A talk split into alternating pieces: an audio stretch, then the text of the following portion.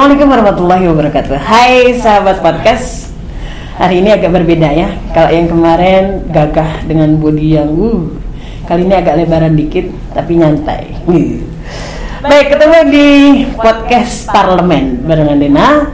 Dan tidak sendiri Hari ini juga saya sudah ditemani oleh tamu istimewa uh, Hadir juga di depan saya. Seperti biasa Protokol kesehatan tetap kita gunakan. 3M ya menggunakan masker, mencuci tangan dan juga menjaga jarak. Mencuci tangan menggunakan sabun yang eh sabun. Menggunakan sabun di air yang mengalir. Cuman saya kalau ngomong-ngomong kayak gini agak-agak ngap. Saya buka dulu sebentar. Ini wajah asli saya, Pak. Saya jadi pengen malu ketemu sama Bapak. Ya, sahabat podcast parlemen hari ini sudah hadir seorang wakil Uh, Ketua DPR di Kabupaten Bekasi, Bapak Muhammad Nur. Assalamualaikum Pak. Waalaikumsalam warahmatullahi wabarakatuh.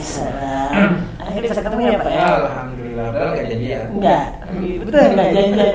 Bisa bisa langsung ngobrol gitu. Apa sih ini tiba-tiba Bapak tertarik itu uh, bisa silaturahim ke sini nih Pak? Uh, yang pertama sih saya ingin mengisi ruang podcast di DPRD, DPRD ya, pemerintah Kabupaten Bekasi. Kemudian saya yakin pemirsa podcast di Kabupaten Bekasi ini banyak. Amin. Pertama saya ingin menyapa sekaligus yang namanya dewan kan DPRD itu kan menangkap aspirasi. Benar. Nanti ada timbang apa namanya saling berkontribusi, saling mengerti apa sih keinginan masyarakat. Nah, saya yang saya ketahui bahwa di Kabupaten Bekasi ini kalangan mudanya sekitar 26 persen, artinya cukup besar. Cukup besar ya Pak. ya? Nah, makanya ini dalam rangka menyapa, saya menyiapkan diri, kemudian membuka hati, membuka pikiran, walaupun masih pakai masker tertutup. Itu dia. Tapi boleh dong Pak, eh, biar masyarakat eh, ataupun juga sahabat podcast parlemen ini lebih mengenal seorang Bapak Muhammad Nuh ini bisa dibuka untuk maskernya boleh. Pak. Eh, ini dia. Kegiatan sehari-hari ini apa nih? Kegiatan dari rumah datang ke DPRD, kemudian sebagai wakil ketua DPRD membantu ketua DPRD, kemudian intinya adalah saya sebagai wakil ketua dengan teman-teman semuanya menginginkan 50 anggota dewannya efektif. Efektif mendengarkan masyarakat, kemudian memperjuangkan, kemudian membawa hasil perjuangannya itu menjadi ya buah-buah pembangunan di masyarakat. Misalnya, Eh, sekarang ini pelajar membutuhkan wifi gratis. Ya udah ada kan program itu. Tapi kan masih disuarakan oleh 50 anggota dewan. Kalau 50 anggota dewan ini efektif, 187 desa dan kelurahan akan apa terang wifi tidak apa terbebas dari hambatan Mm-mm. wifi ya ini merupakan wifi wifi bacanya Apa bayar? Nyemenin jadi dah. Wifi ke wifi Iya. jadi dah Pak. idealnya kan Mm-mm. karena ini merupakan sarana utama Iya. dalam komunikasi, pembelajaran dan sebagainya mestinya dimurahin tuh.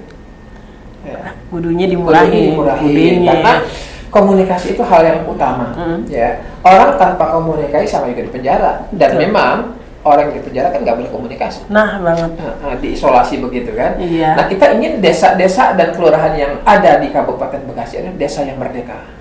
Pengertian merdeka, akses ke keluar tuh mudah Iya.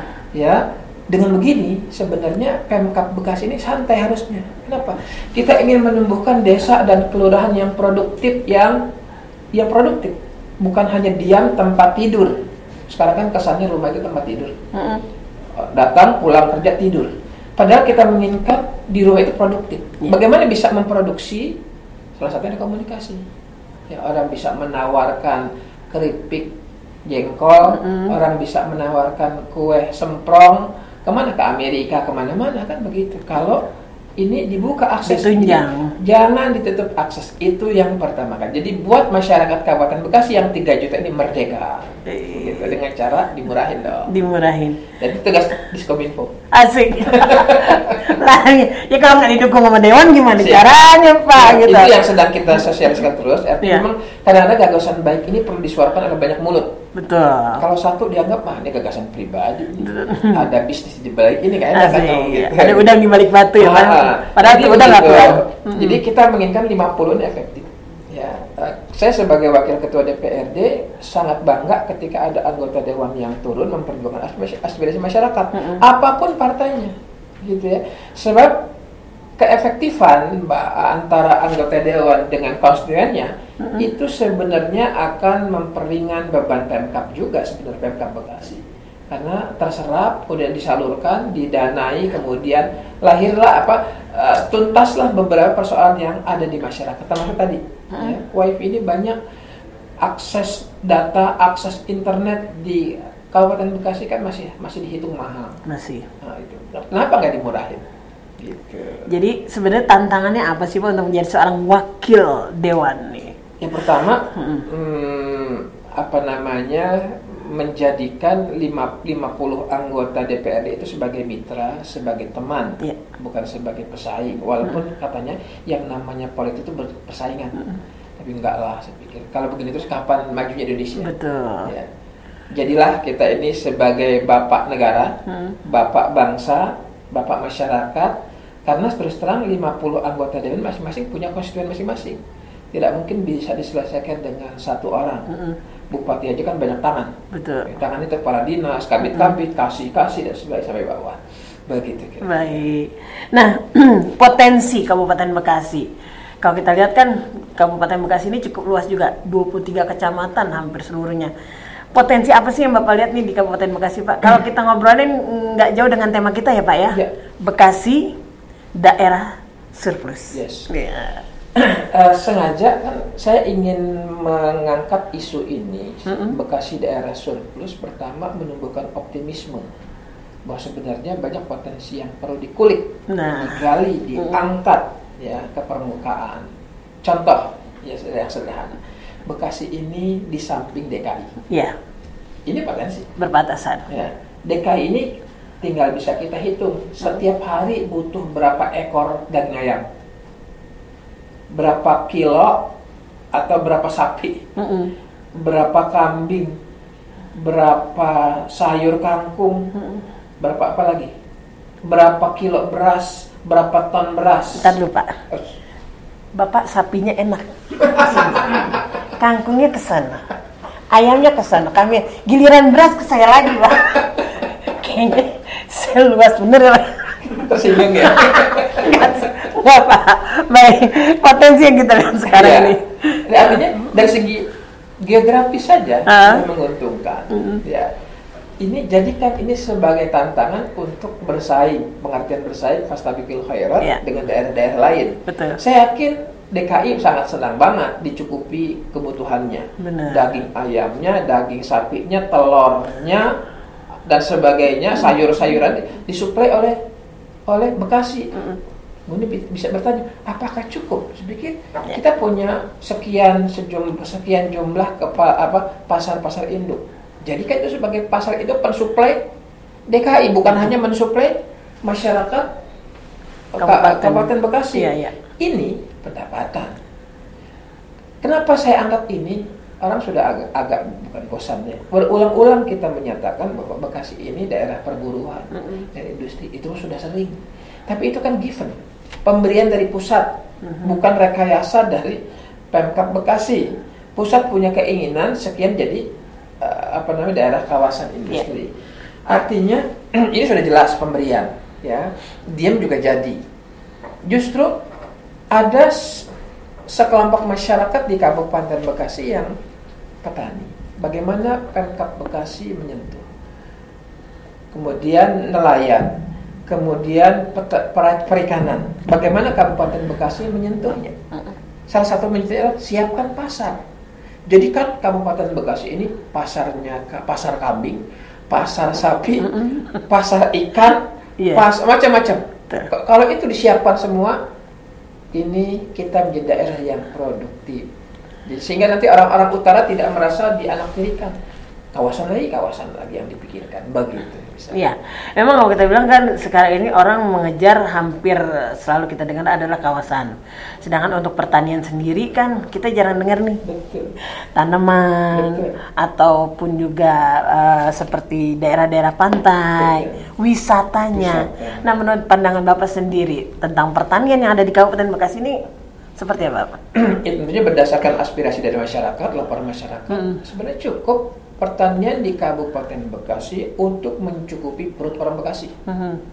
Tentunya kalau dioptimalkan menjadi meningkat. Nanti ini kan korelasinya adalah berapa sawah abadi yang dibutuhkan. Mm-mm. Ini kan harus ada perda nih. Iya. Ya, tentu saja berapa pupuk yang disuplai pupuk yang disiapkan, Iya. berapa petani yang dibangun.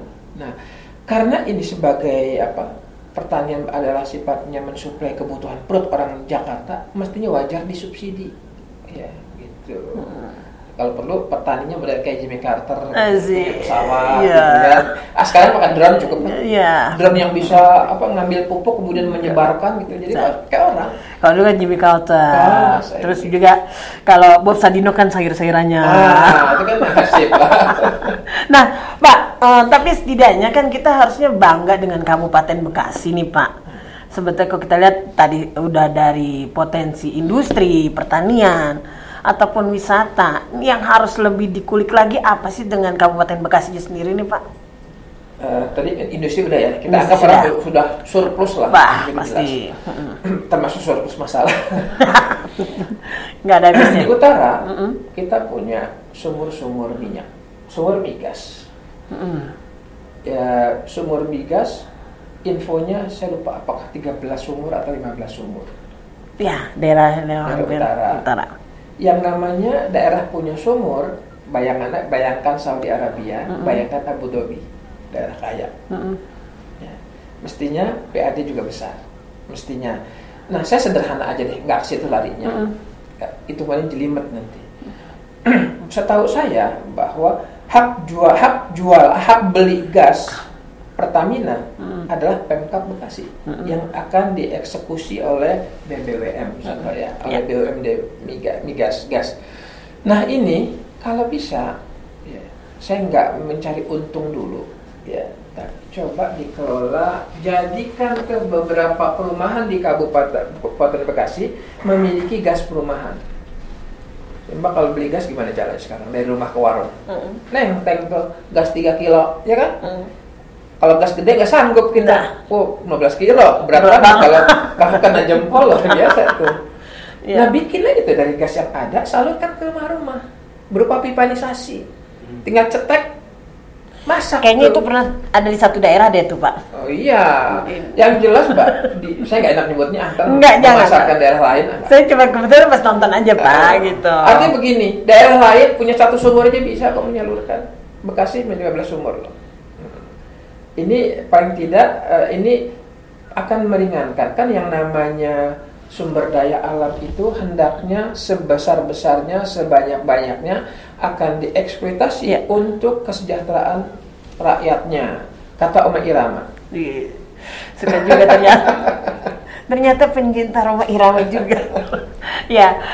Eh, ngomongin masalah eh, masyarakat Kabupaten Bekasi baik itu di pertanian ataupun industri. Kembali lagi kepada eh, anak-anak mudanya sekarang nih. Gitu. Sekarang ini eh, bagaimana dengan anak-anak muda sekarang ini di mana eh, SDM-nya menurut Bapak apakah memang sudah bisa dikatakan memenuhi standar atau memang mereka membutuhkan lagi eh, bantuan ataupun juga eh, semacam ya paling tidak tambahan-tambahan ilmu yang memang harus dimiliki. Ah, kalau saya tadi eh, kalau terkait dengan anak muda sangat terkait dengan tadi internet Ya. pedesaan atau internet R- eh, RW. Sebenarnya kan masyarakat kita Ya. bukan hanya Bekasi masyarakat yang kreatif, tapi tolong jangan ditutup dong. Berikan akses. Ya. Akses yang paling wajib zaman sekarang adalah data internet. Kalau diberikan mereka akan ngulek ke mana-mana. Ya, saya ter- terkejut waktu ke- walaupun bukan orang Bekasi, ada orang Indonesia yang bisa bikin pesawat yang runway-nya dari gerak sampai dia terbang tidak lebih dari 10 meter. Ini kan luar biasa. Coba kalau yang namanya runway yang di pesawat-pesawat besar itu berapa? Berapa ribu tuh sampai dia terbang. Nah ini bisa memang pesawat kecil, tapi itu kan salah satu hal yang menggembirakan. Runway itu kan yang ma- bikin mahal kan. Iya. Itu con- contoh. Kenapa? Sangat mungkin dia karena explore, Hmm. memperdalam ilmu dari mana pun. Jadi sebenarnya ilmu sekarang ini murah. Benar. tapi aksesnya kalau dia dibuka, insya Allah orang-orang Kabupaten Bekasi akan pintar. Contoh yang lain, saya jalan-jalan ke dapil saya Tambun Selatan, Mhm. saya nggak kebayang bahwa sekarang dapil Tambun Selatan di kiri kanannya itu di jalan apa namanya, jalan Tambun ya, Mhm. Jalan Tambun itu itu banyak resto-resto anak muda. Jadi sudah mirip seperti Jakarta, sudah mirip seperti Bandung. Iya. Ya, tinggal apa nih? Tinggal dari dinas perindustrian. Tolong dong bina kemasannya kayak apa? Bandung kan standar cukup bagus tuh Iya. kemasan-kemasannya. Ya, sehingga kue yang biasa aja kalau dikemas bagus jadi orang mau beli. Nah, saya pikir Tambun perlu dibina dan juga daerah lain saya yakin. Ya. Gitu. Iya. Memang banyak sekali kalau kita lihat anak-anak muda sekarang juga tidak hanya terpaku pada satu sisi. Mereka banyak yang kreatif. Anak-anak pelajarnya juga. Cuman kan kendala kita segini luasnya bagaimana cara mereka untuk bisa mendapatkan kalau wifi mungkin sedang diusahakan Ya. atau sedang memang berjalan saat sekarang ini. Nah, kalau Bapak sendiri mungkin ada masukan yang bisa diberikan kepada kita-kita nih, Pak. Terutama mereka-mereka yang memang membutuhkan kayak daring ataupun pelajaran kan masih banyak juga mereka-mereka yang ternyata Lina baru tahu nih, Cikarang itu masih ada juga pelosoknya juga ya, Pak ya. Ada hutan bambu, ada segala. Nah, bagaimana untuk menjangkau mereka-mereka yang ada di pelosok-pelosok seperti itu, Pak? Eh, sebenarnya kan sekarang yang namanya internet kan tidak mesti pakai FO, Iya. kan mahal, Mm-mm. kan sudah bisa pakai apa namanya nirkabel ya, Mm-mm. yang nirkabel juga bisa, dan banyak kok provider yang sih menawarkan diri, ya asal harganya masuk, masuk akal gitu. Mm-mm. Saya pikir ini tantangan ini tantangan yang harus apa yang harus dianggap murah, Iya. dia yang dikeluarkan tapi itu murah saya pikir. Itu dulu deh, jadi buka ke buka akses dulu, Buka ya. akses. Dan sebenarnya di zaman sekarang di Bekasi tidak ada daerah yang tertutup. Yang ada tertutup akses. Mm-mm. Walaupun itu hutan bambu, tapi wifi bisa kok. Mm. Ya. Apalagi kalau sekarang dipasangnya tower-towernya, tower apa namanya, di masjid-masjid ya, di RT RW ditaruh, saya kamu terjangkau kok. Jadi bisa dibilang pengetahuan orang Bekasi dengan orang Jakarta sama kok sebenarnya. Baik. Bahkan dengan orang Amerika juga sama. ya. Iya. Ya cuman kapan nih kita bikin kalau itu kan McDonald kan dari Amerika, jadi Be- Bekasi apa Mac Bekasi gitu apa gitu namanya. Mac gabus itu. Mac gabus. Iya. Iya kan? Oh iya. Bandeng. Ah, saya lagi saya lagi itu Oh, lagi, betul. lagi menggagas deh dengan Oh, gitu. teman-teman tentang gabus. Nah. gabus juga potensi kan? Iya. Surplus juga nih. Berarti sekarang kita ke kuliner nih ya. Ya namanya bicara apa aja. Benar. Betul, Pak. Kemarin sempat ngobrol, rupanya gabus itu katanya Heeh. kadar apanya tuh? Vitaminnya atau Iya. gizinya lebih Omega 3-nya? Omega Ah. 3-nya lebih baik dari apa? Ikan salmon. Iya. Wis. Lah, kita kalau makan gitu kan murah, tapi kalau di apa? diperes Mm-mm. sampai minyaknya diambil, itu ternyata jadi rujukan untuk pengobatan. Nah, itu banyak yang mesen. Iya. Nah, teman-teman sudah mulai nih budidaya ikan, Ikan gabus. gabus. bukan hanya gabus pucuk. Heeh. Jadi untuk pilnya pun dibuat dari gabus. Dikembangkan lagi ya, Pak ya. Dikembangkan Dari lagi. gabus yang tadinya cuma diolah sebagai sayur pucung. Iya. Sekarang bisa diolah lagi. Iya. Kalau salmon kita tahu kan emang omega 3 untuk jantung atau Iya. apa pun juga. Ternyata sekarang gabus lebih dicari Dan lagi. saya menduga begini, oke lah, ikan salmon tuh untuk orang sana obat, Iya. untuk orang sini belum tentu obat. Iya. Sampai harganya kan. Yang penting ikan. Nah, jadi sebenarnya obat itu ada di lingkungannya masing-masing. Di sini jangan-jangan benar bahwa Iya. ikan gabus adalah obat masyarakat gitu. Gabus, lele juga Iya. tuh kan. Jadi itu Baik. dari segi UMKM. Iya. Emang hobinya makan apa sih Pak? Makanan favoritnya Bapak nih? Maka kalau- dibayarin. Nah, saya juga pengen Pak kali itu mah.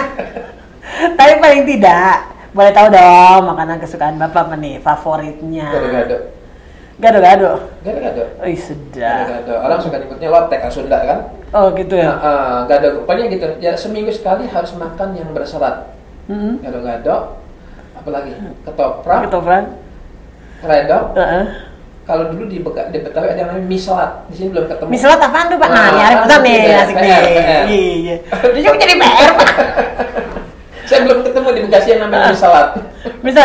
Nah, ini kan kita banyak juga apa makanan di Kabupaten Bekasi ini yang ternyata biar banyak yang orang udah lupa. Oh iya. Kayak kue geplak. Iya. Kemarin Iya. saya dengan istri mempromosikan yang namanya garam goreng. Oh, garam, Eh, garam asin. Iya, pokoknya Goreng asin. Goreng Ini taunya goreng asin. Enggak tahu lah saya namanya sepakati dulu nih perlu paripurna kayaknya nih. Garam goreng. Tapi boleh ada, ada yang bilang juga goreng asin, Iya Pak. dah, nggak apa-apa dah. Penting laku. Iya dah. Boleh nyicip deh kayaknya. Itu enak juga. Ada makanan cemilan nasi dengan sate itu cukup.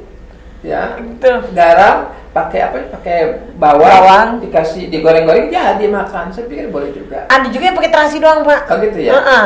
Itu juga orang Tambun yang ngasih juga. Jadi memang, eh, nah kalau Bapak bilang kita ngomongin masalah tadi kuliner. Nah, sejauh mana pandangan Bapak tentang kuliner yang ada di Kabupaten Bekasi? Apakah sudah menjangkau kepada masyarakatnya atau mungkin eh, perlu apa sih supaya orang lebih mengenal lagi? ya pertama sebenarnya bisa dibilang kuliner sekarang semakin dia dipasarkan semakin memperbaiki diri. Mm-mm. Mau di mana pun, mau di Tambun, mau di mana pun. Jadi pasarkan dulu, iklankan dulu. Ketika diiklankan, orang mulai ada kritik tesnya, rasanya, ada kritik tentang bentuknya. Ini kegedeannya kecilin dikit kan gitu kan. Iya. Ada kritik kemasannya. Nah ini idealnya mah eh, apa Pemkap Bekasi ini memberikan semacam stimulus ya. Adakan dong perlombaan bikin kemasan model Bekasi. Saya sebagai anggota dewan pengen juga dong. Ketika saya keliling memberikan kepada orang Jogja kayak Mm. orang Banyuwangi kayak orang mana pun Mm-mm. Dan bentuk kemasan Bekasi. Ya, jangan sampai kita diperkenalkan dengan hanya batik Pekalongan. Iya. Ya, Oke, mereka itu keberhasilan mereka. Keberhasilan kita apa dong? Ya, gitu. Tapi kita kan punya batik Bekasi, Pak. Iya, se- sebaiknya gini, jangan jangan sama ya. Dia jurus itu kita jurus yang lain. Oh, gitu. Nah, Setiap setiap daerah punya keunggulan. Pasti. Nah, gitu. Kayak Jogja, bakpia, Hmm. gitu ya. Kalau Semarang, Bandung Presto. Iya. Nah, tinggal tadi ya, apakah gabusnya bisa dibikin jadi kayak apa tuh? Apa sop gabus Mm-mm. gitu kan atau macam-macam lah. Bisa. Deng-deng udah si deng-deng udah bikin. Nenek. Tapi saya belum nyobain loh, Pak. Oh, jangan. Bapak tapi nawarin, tapi nggak mau ngasih. Mau gimana sih? Baik, sahabat podcast asik banget nih ngobrolin bersama eh, Bapak Muhammad Nuh selaku wakil DPRD Kabupaten Bekasi tentang uh macam-macam baik itu dari Pertamina tadi kita ada Pertamina. Memang selama ini yang Lina lihat itu yang Pertamina itu adanya kan di Balongan Indramayu itu beda ya. Kalau kita ada di wilayah utara betul banget dan sempat juga lewat sana ya Pak ya bisa tembus ke Kerawang ya Pak ya Iya. jalannya gitu. Nah, eh, sahabat Iba Muti ngomongin UMKM, ternyata sekarang ini memang juga dibutuhkan bagi eh, adik-adik kita, terutama mereka-mereka yang memang membutuhkan pendidikan untuk membentuk SDM, eh, ya kan? Karena mereka membutuhkan skill. Nah, skill. Yes. Sejauh manakah pandangan Bapak tentang skill masyarakat Kabupaten Bekasi terutama mereka kan sekarang ini kita banyak banget pendatang, Pak. Bagaimana dengan masyarakat Kabupaten Bekasi sendiri? Nah, eh, di sini kalau saya melihat bisa manfaatkan ini 10 kawasan industri. Mhm. Bagaimana cara? Gunakan salah satu alokasi CSR Mm-mm. untuk membuat SMK. Ya, SMK atau lembaga pelatihan. Ya. Nah, mereka lah yang akan membaca atau menampung keinginan-keinginan kawasan. Mhm. Tahun 2021 butuh apa nih? Mhm. Oh, butuh tukang jahit, penjahit yang levelnya profesional. Ya. Ya udah pelatihan profesional alat penjahit. Mm. Butuh apa nih? Butuh tenaga mesin. Mhm. Ya udah, maka pelatihan ke arah sana. Jadi di situlah sebenarnya diolahnya tuh. Jadi kita minta nanti gunakan CSR CSR kawasan industri untuk apa namanya menawarkan ya, apa namanya serapan tenaga kerja sesuai dengan kebutuhan kawasan. Ya. Nah itu kan CSR udah jelas. CSR. Iya. CSR kalau nah, ini bertambah nih. Jin. Mm-mm. Kalau bicara potensi di kawasan Beka- di Bekasi ini ada sekitar 6.000 lah ya. Hmm. 6.000 perusahaan. Kalau masing-masing CSR-nya 1 juta di sebulan. Mhm. Kecil banget kan 1 juta sebulan. Yes. Berarti 6 6 juta. 6 miliar Eh, ya? 6 miliar ya. Ya. 6 miliar. Kalau 6 miliar ini misalnya dibagikan di breakdown per bulan kepada anggap saja lah 200 desa. Berapa tuh? Berapa juta per bulan? Ya. Udah buyang dipanggil. Kan 300 juta. Itu 300 juta begini. Ditawarkan kepada desa 300 juta silahkan mau dihabiskan buat apa? Ya. selesai itu pembangunan tanpa APBD kan begitu sederhananya maka yakinlah desa kreatif tuh nanti Iya. tahun pertama infrastruktur desa tahun kedua anak-anak pengangguran tahun ketiga rumah rutilah harus beres semuanya tahun keempat bisa jadi setiap desa akan punya lapangan tanding sepak bola Ya. tahun keempat macam-macam terus berkembang begitu nanti bisa dibayangkan satu saat jalan-jalan di level desa dan kecamatan seperti seperti jalannya HI Jakarta itu Sedap. kan mimpi nih kan Eh, mimpi boleh ya Pak ya? boleh Walaupun kejadiannya kita masih mikir dulu kan. Mimpi itu indah Pak. Kayak Umi Elvis suka sih bilang ya Pak ya. Mimpi terindah. Baik sahabat podcast, kita banyak sekali ngobrol hari ini. Walaupun mungkin agak-agak santai sedikit ya Pak ya. Tanpa harus eh, menyinggung atau apa pun juga. Tapi kita mencoba memandang sejauh mana sih eh, Kabupaten Bekasi ini mulai berkembang. Karena kalau bukan kita siapa lagi ya Pak ya, gitu. Kita selaku masyarakat Kabupaten Bekasi berharap uh, Kabupaten Bekasi ini akan menjadi lebih maju lagi. Nah, harapan Bapak sendiri untuk Kabupaten Bekasi kayak apa sih Pak? artinya sama bahwa eh, Bekasi punya potensi punya modal untuk maju Mm-mm. jadi ini hendaknya dioptimize, dioptimalisasi dengan sebaik-baiknya, tapi jangan lupa ajak masyarakat untuk memikirkan bersama. Ya, kenapa demikian? Karena kadang-kadang sebenarnya masyarakat lebih tahu mereka berbuat untuk apa mestinya kita ini. Iya. Ya, kayak sebagai wakil uh, apa wakil ketua DPRD selalu uh, ingin mendengarkan aspirasi masyarakat, termasuk yang terakhir nih, bagaimana mengentaskan banjir. Surplus tapi jangan surplus banjir juga dong, gitu ya. Banyak sekali ya Pak ternyata masalahnya. ternyata ya menurut saya memang mestinya di Indonesia ini harus ada men- satu menteri urusan air. Menteri urusan air Iya, ya. kenapa? Yang namanya kedaulatan air itu sebaiknya jangan diganggu. Biarkan air itu lewat, mengalir jangan dihambat. Karena kan terhambat dengan investasi. Ketika satu apa satu hotel mau bikin dihambat itu apa namanya drainase. Drainase. Aduh, ini kan. Nah, kalau kita jadikan misalnya satu menteri itu menteri urusan air, yang lain minggir. Ada bahkan ada polisi airnya Iya. ya di jalan raya jalan utama itu ada yang CCTV untuk Iya. mengawal supaya tidak terjadi kecelakaan kapan di apa namanya di sungai ada CCTV ada yang buang sampah tangkap Hmm, gitu. nah ini saya pikir air nanti akan menjadi kebudayaan yang bagus ya peradaban yang bagus ya karena saya pernah ngobrol nggak tahu benar apa tidaknya tapi yang ngobrol juga pakar sih Iya. dulu dari Cilincing bisa sampai ke Jalan Raya Bogor tuh kapal. Kapal bisa masuk dari Cilincing, Sunda Kelapa, masuk terus ke Istana Bogor. Gimana caranya?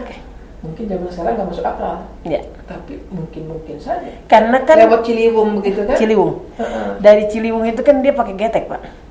Masih zaman-zaman getek. Iya. Oh, ya kan? Enggak, yang disebutnya kapal. Ya.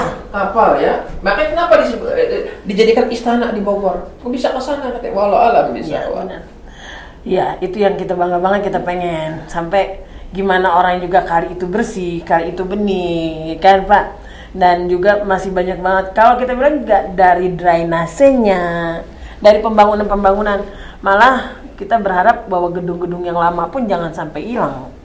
Nah, Heritage. Heritage. Ya, ini tentang gedung lama. Salah satu gedung yang sekarang ini sedang menjadi satu kebanggaan di antaranya dari semua adalah gedung juang. Ya. Bagaimana tanggapan Bapak tentang gedung Nah juang? bisa dibilang eh, meng, apa, mengoptimalkan, memfungsikan gedung juang sebagai gedung budaya. Mm-mm. Ya, ini alhamdulillah dorongan anggota dewan juga Iya. dan juga klop dengan keinginan bupati Mm-mm. sehingga ke- eh, tadinya kan gedung juang tuh nggak kelihatan dilihat juga kagak. Iya. Alhamdulillah sekarang sudah dibuka, Iya. bagus. Amin. Apa namanya aksesnya dibuka, anak-anak Mm. bisa duduk di sana, jadi ramah ramah kepada masyarakat. Saya pikir itu bagus, ya. Dan di dalamnya, walaupun saya belum masuk, ya akan ada dio, sudah ada diorama ya, diorama tentang Ki Haji Nur Ali dan sebagainya. Ini kan sebenarnya satu hal yang mahal, nilai yang mesti ditumbuhkan, yang di apa ditransfer kepada anak-anak muda. Dan Mm. ini sebenarnya satu hal yang oke menurut saya tentang Bupati Bekasi dalam hal ini. Ya, siap. Berarti sama-sama mendukung untuk iya dong. salah satu potensi Itu baru yang satu, kan? Bekasi. Iya. Hmm. Kan bertahap, Pak. Itu bertahap. kalau langsung membalikan telapak tangan nggak Oh, mungkin, Pak. siap. Tapi kayaknya kalau ngobrol sebenarnya saya asik sih, Pak ya. Cuman waktunya Oke. gitu. Paling tidak dari obrolan kita tentang eh, Bekasi adalah salah satu daerah surplus. Eh, kesimpulan yang Bapak tanggapnya apa sih, Pak? Ya, eh, tentu saja saya, saya mengharapkan ada kerjasama yang baik antara anggota dewan, dengan bupati, Mm-mm. bupati dengan jajarannya, Ya. anggota dewan dengan masyarakat dapilnya dan konstituennya. Kalau ini terjalan dengan bagus, insya Allah Bekasi kompak. Amin. Bekasi kompak untuk maju. Tetap itu harapan kita Ya. dan bahkan dukungan buat kita kita juga semuanya baik itu masyarakat Kabupaten Bekasi kan paling tidak kita punya naungan juga nih Oke. bapak kita yang satu itu.